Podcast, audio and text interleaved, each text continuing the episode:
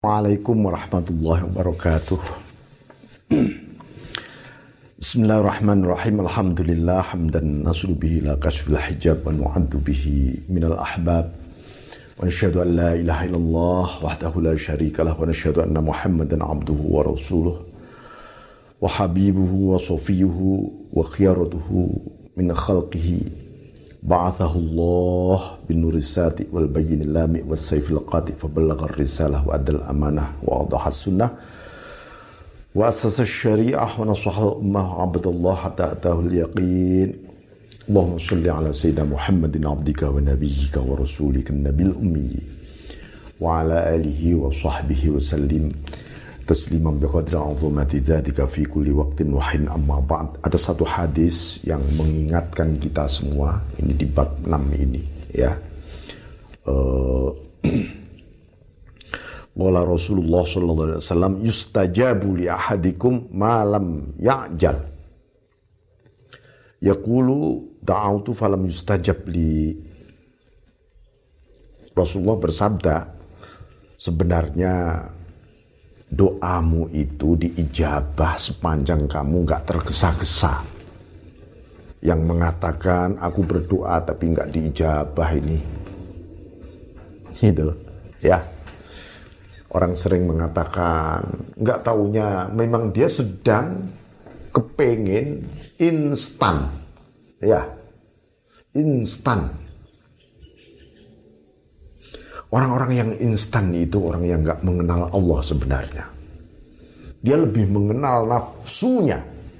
Dia pengen cepat segera harus begini, ini, ini, pokoknya begini. Habis berdoa langsung muncul sesuatu. Sesuatu yang instanisme. Itu nafsu. Nah, tuh ya. Dan itu bukan perilaku para arifun. Orang-orang yang mengenal Allah dengan sesungguhnya. Ya. Jadi karena apa? Ajalah. Tergesa-gesa itu adalah sebuah keinginan bukan kepada Khalik. Bukan keinginan kepada Allah, tapi kepada makhluk. Entah yang diimpikan terwujud, entah yang wah proyeknya goal, makhluk semua. Kapan saya Tuhan saya segera masuk surga? Makhluk semua. Bukan Allah. Nah, ya. Maka kita ini uh, menyebut mengingat perilaku para arifun itu merupakan berkah luar biasa. Membaca kisah-kisah para arifun itu berpahala dan menimbulkan anugerah luar biasa dari Allah. Karena itu di Quran disebutkan. Makanya kita membaca manaki, membaca uh, apa kisah-kisah para aulia, para nabi, para rasul. Seperti dikatakan di dalam Al-Quran, Wadhkur fil kitabi Ibrahim. Supaya kita mengingat tentang kisah-kisah Nabi Ibrahim. Ya. Makanya Allah menyebutkan, Nahnu naqussu alaik aku mengisahkan. Ini apa? Bahwa kisah itu membuka cakrawala jiwa untuk mengenal Allah. Ya. Makanya diperingati Maulid Nabi dibacakan kisah-kisah Nabi. Haul para aulia dibacakan manakib para aulia para ulama, dibacakan kisah-kisah ilmu pengetahuan, perjuangan, istihadnya dan seterusnya. Membawa berkah semua kepada kita. Ya. Maka uh, ini untuk mengingatkan kepada kita begitu kita itu berdoa berdoa yang kita ingat adalah yang memerintahkan berdoa dan yang memberi ijabah bukan wujud kabul. Maka Syekh Abil Hasan Asyadzili radhiyallahu an mengatakan uh, la tafrah La takun farhuka fid du'a bi ijabati du'aik. Janganlah kesenanganmu di dalam berdoa karena diijabah, karena kabul tadi. Kabul ini kan bentuk ajalah. Orang tergesa-gesa kepingin. Ya, nafsu banget. Duna duna munajati maulak. Kebahagiaanmu di balik doa mestinya adalah karena kamu ditakdirkan bermunajat kepada Tuhanmu. Mestinya itu bukan wujud kabulnya tadi. Kita itu ditakdirkan oleh Allah bermunajat kepada Allah. Itu anugerah yang dahsyat luar biasa sudah.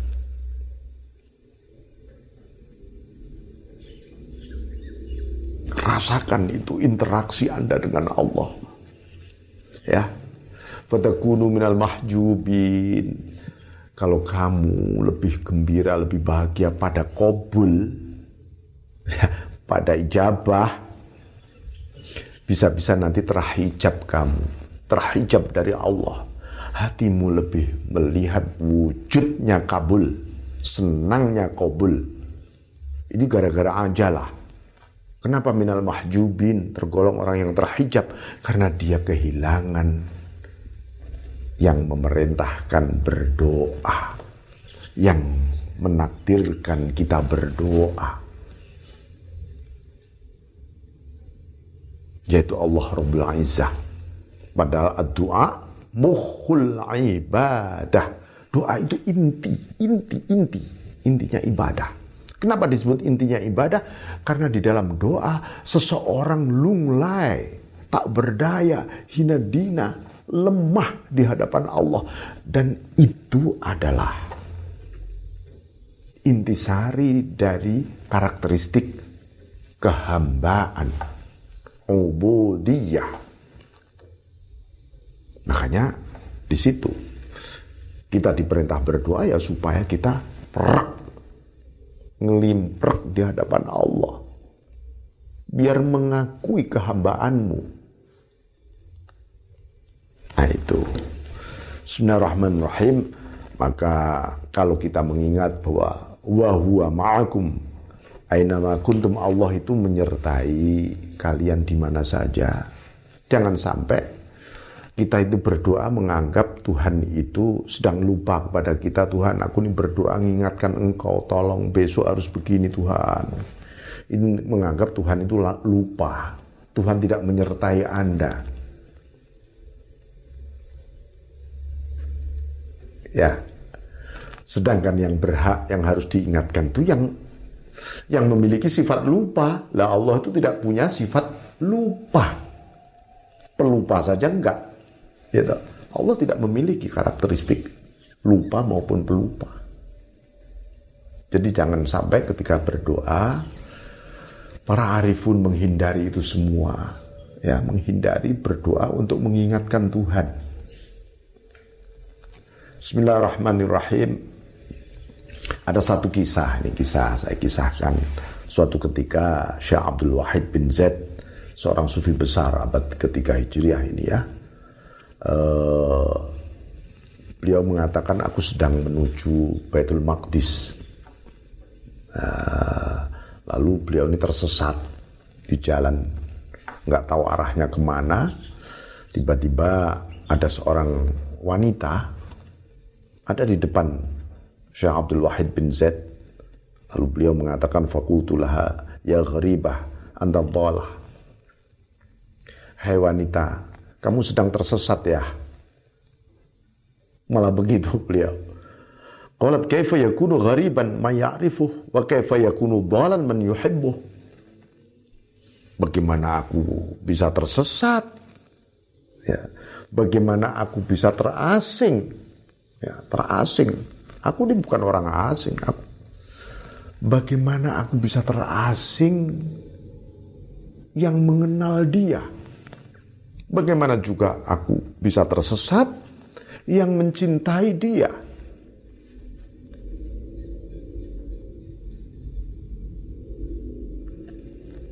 Ya. Jawaban wanita ini sangat mengagetkan Syekh Abdul Wahid. Thumma qalat khud ra'sa asaya taqaddam baina masyian. Eh, tolong ambilkan pucuk tongkatku ini, ayo kamu berjalan dengan aku. Kamu ini yang tersesat. Hmm.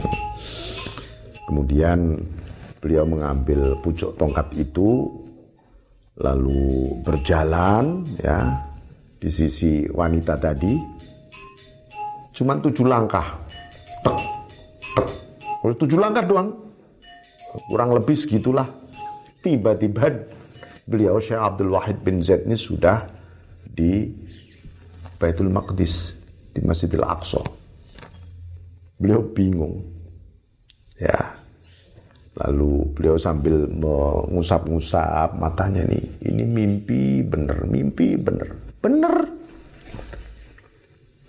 La'ala hadha ghalab minni. Jangan-jangan ini salah. Apa yang terjadi? Si wanita tadi mengatakan, Ya hadha sayruka sayru zahidin. Kalau kamu jalanmu ini kan jalannya orang zuhud. Ya, Wasairi sairul arifin. Kalau aku jalan, jalannya orang arif. Nah ini bedanya orang zuhud, ahli zuhud dan orang ma'rifah. Ya. Fazahid yasir wal arif yatir. Orang zuhud itu berjalan, menempuh, oh, tirakat, ini, wah zahid. Al-arif yatir, terbang malam. Begitu. Ini untuk apa? Sebenarnya mengkritik, memberi pendidikan juga kepada Syekh Abdul Wahid bin Zaid ini. Bukan kemudian, wah Pak gimana ya caranya saya coba terbang ini Pak ya. Saya tak mempelajari ilmu ma'rifat supaya maklap ke Mekah gitu ya. Nah nanti Anda namanya nafsu lagi itu. Namanya nafsu lagi. Eh, bagaimana orang berjalan bisa bareng nih ketemu dengan orang terbang kata beliau kata wanita tadi. Cuma gobat falam roha tiba-tiba menghilang saja perempuan tadi. Nggak tahu ke mana ini satu kisah bagaimana bahwa para arifun memang hatinya tidak terikat oleh ruang dan waktu hatinya. Walaupun fisiknya terikat ruang dan waktu, waktu dunia ini tetap menjalankan kewajiban, sholat, zakat, puasa, haji, nolong orang dilakukan. Tapi hatinya full dengan Allah. Hatinya full bersama Allah.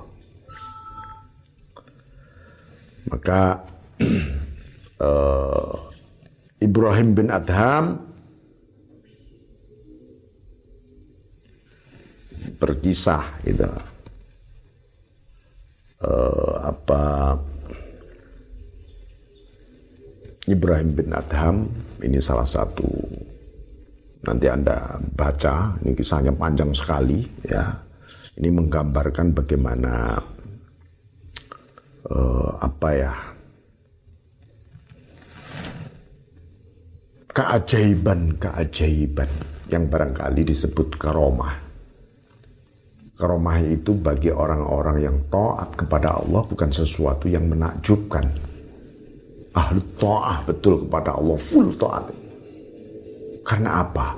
Yang menakjubkan hanyalah Allah itu sendiri. Nanti Anda baca sendiri kisah tentang Ibrahim bin Adam di sini. Ya. Jadi uh, apa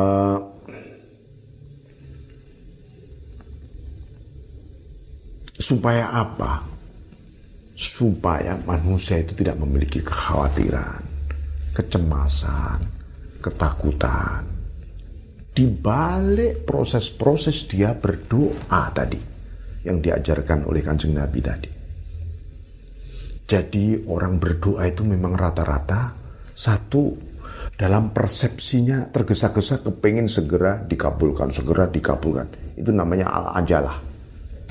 Ditambah doanya juga cepet-cepetan. Ya, apalagi kalau doa lagi sholat raweh, wah cepet-cepetan. Jadi ini disebut nafsu. Ya boleh-boleh aja, tapi sah-sah aja, tapi itu nafsu.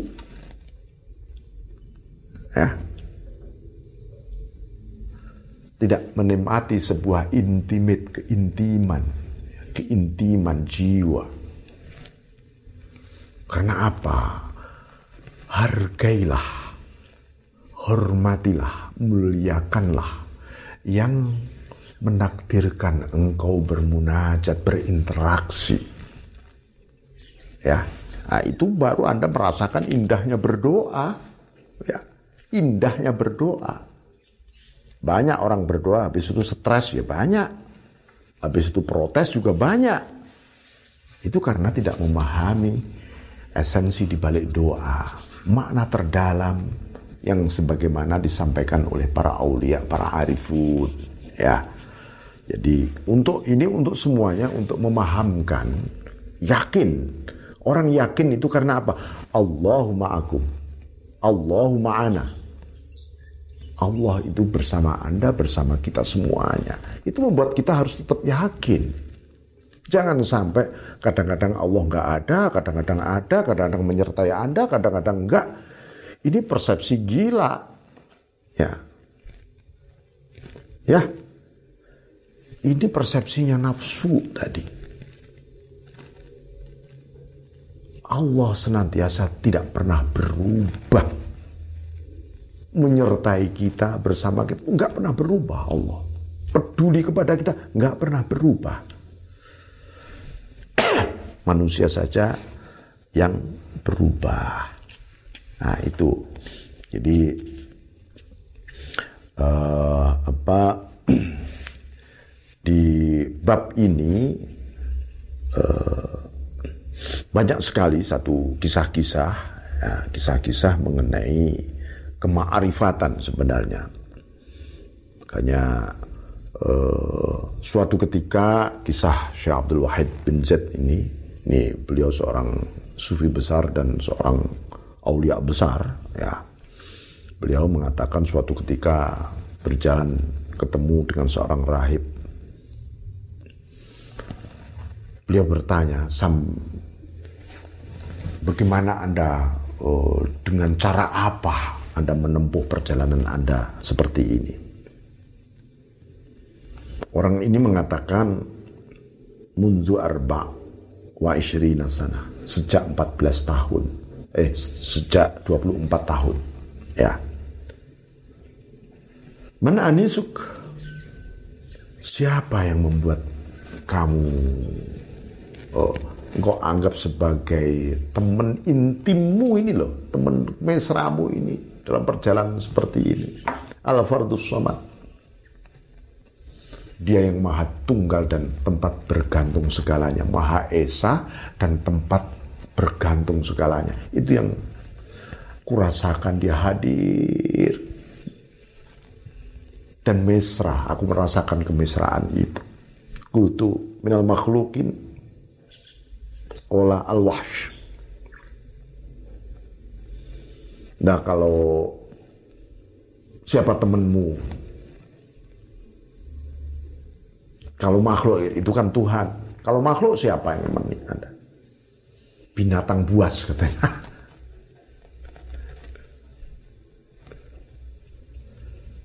Fama amuk. Lalu makananmu apa?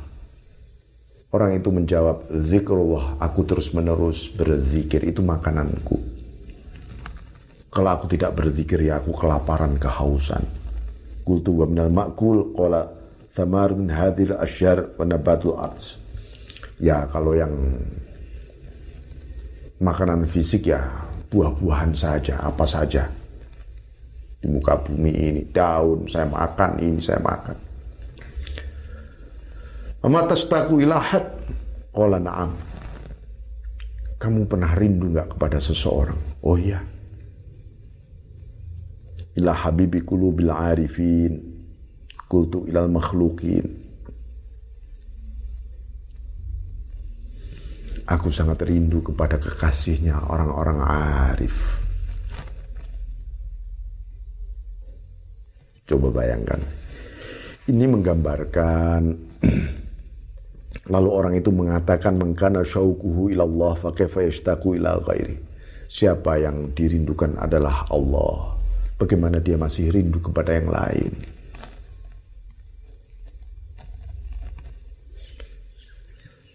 Kultu falima anil khalq. Lalu kenapa kamu menyepi lari dari manusia, dari makhluk di tempat yang sangat rimba ganas seperti ini? Qala li'annahum surakul uqul wa dari huda. Saat ini aku masih memandang mereka adalah pencuri-pencuri akal sehat Aku masih, aku, aku takut. Pasti aku akan dicuri akal sehatku. Dan mereka adalah begal-begal hidayah. Bayangkan. Ya. Kultu wa mata yu'raful abdu tariqal huda. Kapan seorang hamba itu tahu tentang jalan hidayah sebenarnya? Qala idha haraba ila rabbih min kulli ma siwah wastaghalla bi dzikri an kulli ma siwah kalau si orang ini sudah lari kepada Tuhannya, ya, lari dari segala hal selain Allah menuju kepada Tuhannya maksudnya, dan dia sibuk mengingat Allah saja, kapan, di mana saja, karena zikir itu tidak terikat waktu, terikat keadaan, terikat tempat, tidak. Nah ini. Jadi ini menggambarkan saudara-saudara sekalian, para arifun itu ketika berdoa untuk menyongsong bahwa Allah ma'ana, Allah hadiri, Allah anisi, Allah menyertaiku, Allah yang terus menerus hadir, dan Allah adalah sahabat intimku terus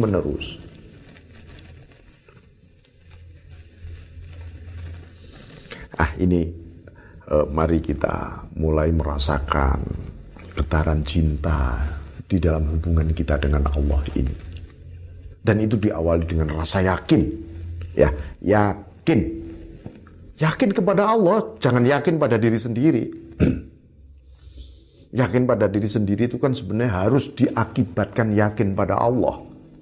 Manusia yakin percaya diri, tapi tidak diakibatkan yakin kepada Allah, athiqah billah, dia menjadi eksistensialis yang hampa hidupnya. Yang terlempar dari kebenaran sejati. Maka jangan pernah percaya begitu. Ya, itu bukan perilaku orang-orang yang mengenal Tuhannya. Ya. Bismillahirrahmanirrahim. Jadi demikian. Ya sudah sekalian eh, apa bab mengenai doa ini ya. Eh, biasanya orang kan lebih senang eh, Pak apa sih kuncinya supaya segera diijabah doa doaku ya kalau anda tidak mengenal Tuhan yang Anda percaya dan Sang Maha Pengijabah, mungkin Anda akan bertanya begitu. Padahal munajat itu sebuah komunikasi cinta. Bahasa-bahasa rindu. Coba Anda dengar munajatnya para sufi, para arifun itu. Apalagi munajat ada 25 syair munajat. Semua tentang rindu dan cinta. Dari Syekh Ibnul Farid. Oh itu dahsyat sekali.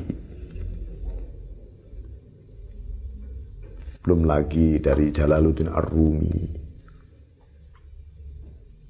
Hanya untuk menunjukkan intimate, ya kedekatan yang luar biasa.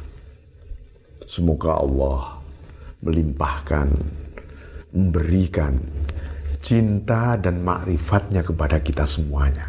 Amin. Ya Rabbal Alamin. Wallahu muwaffiq ila Assalamualaikum warahmatullahi wabarakatuh.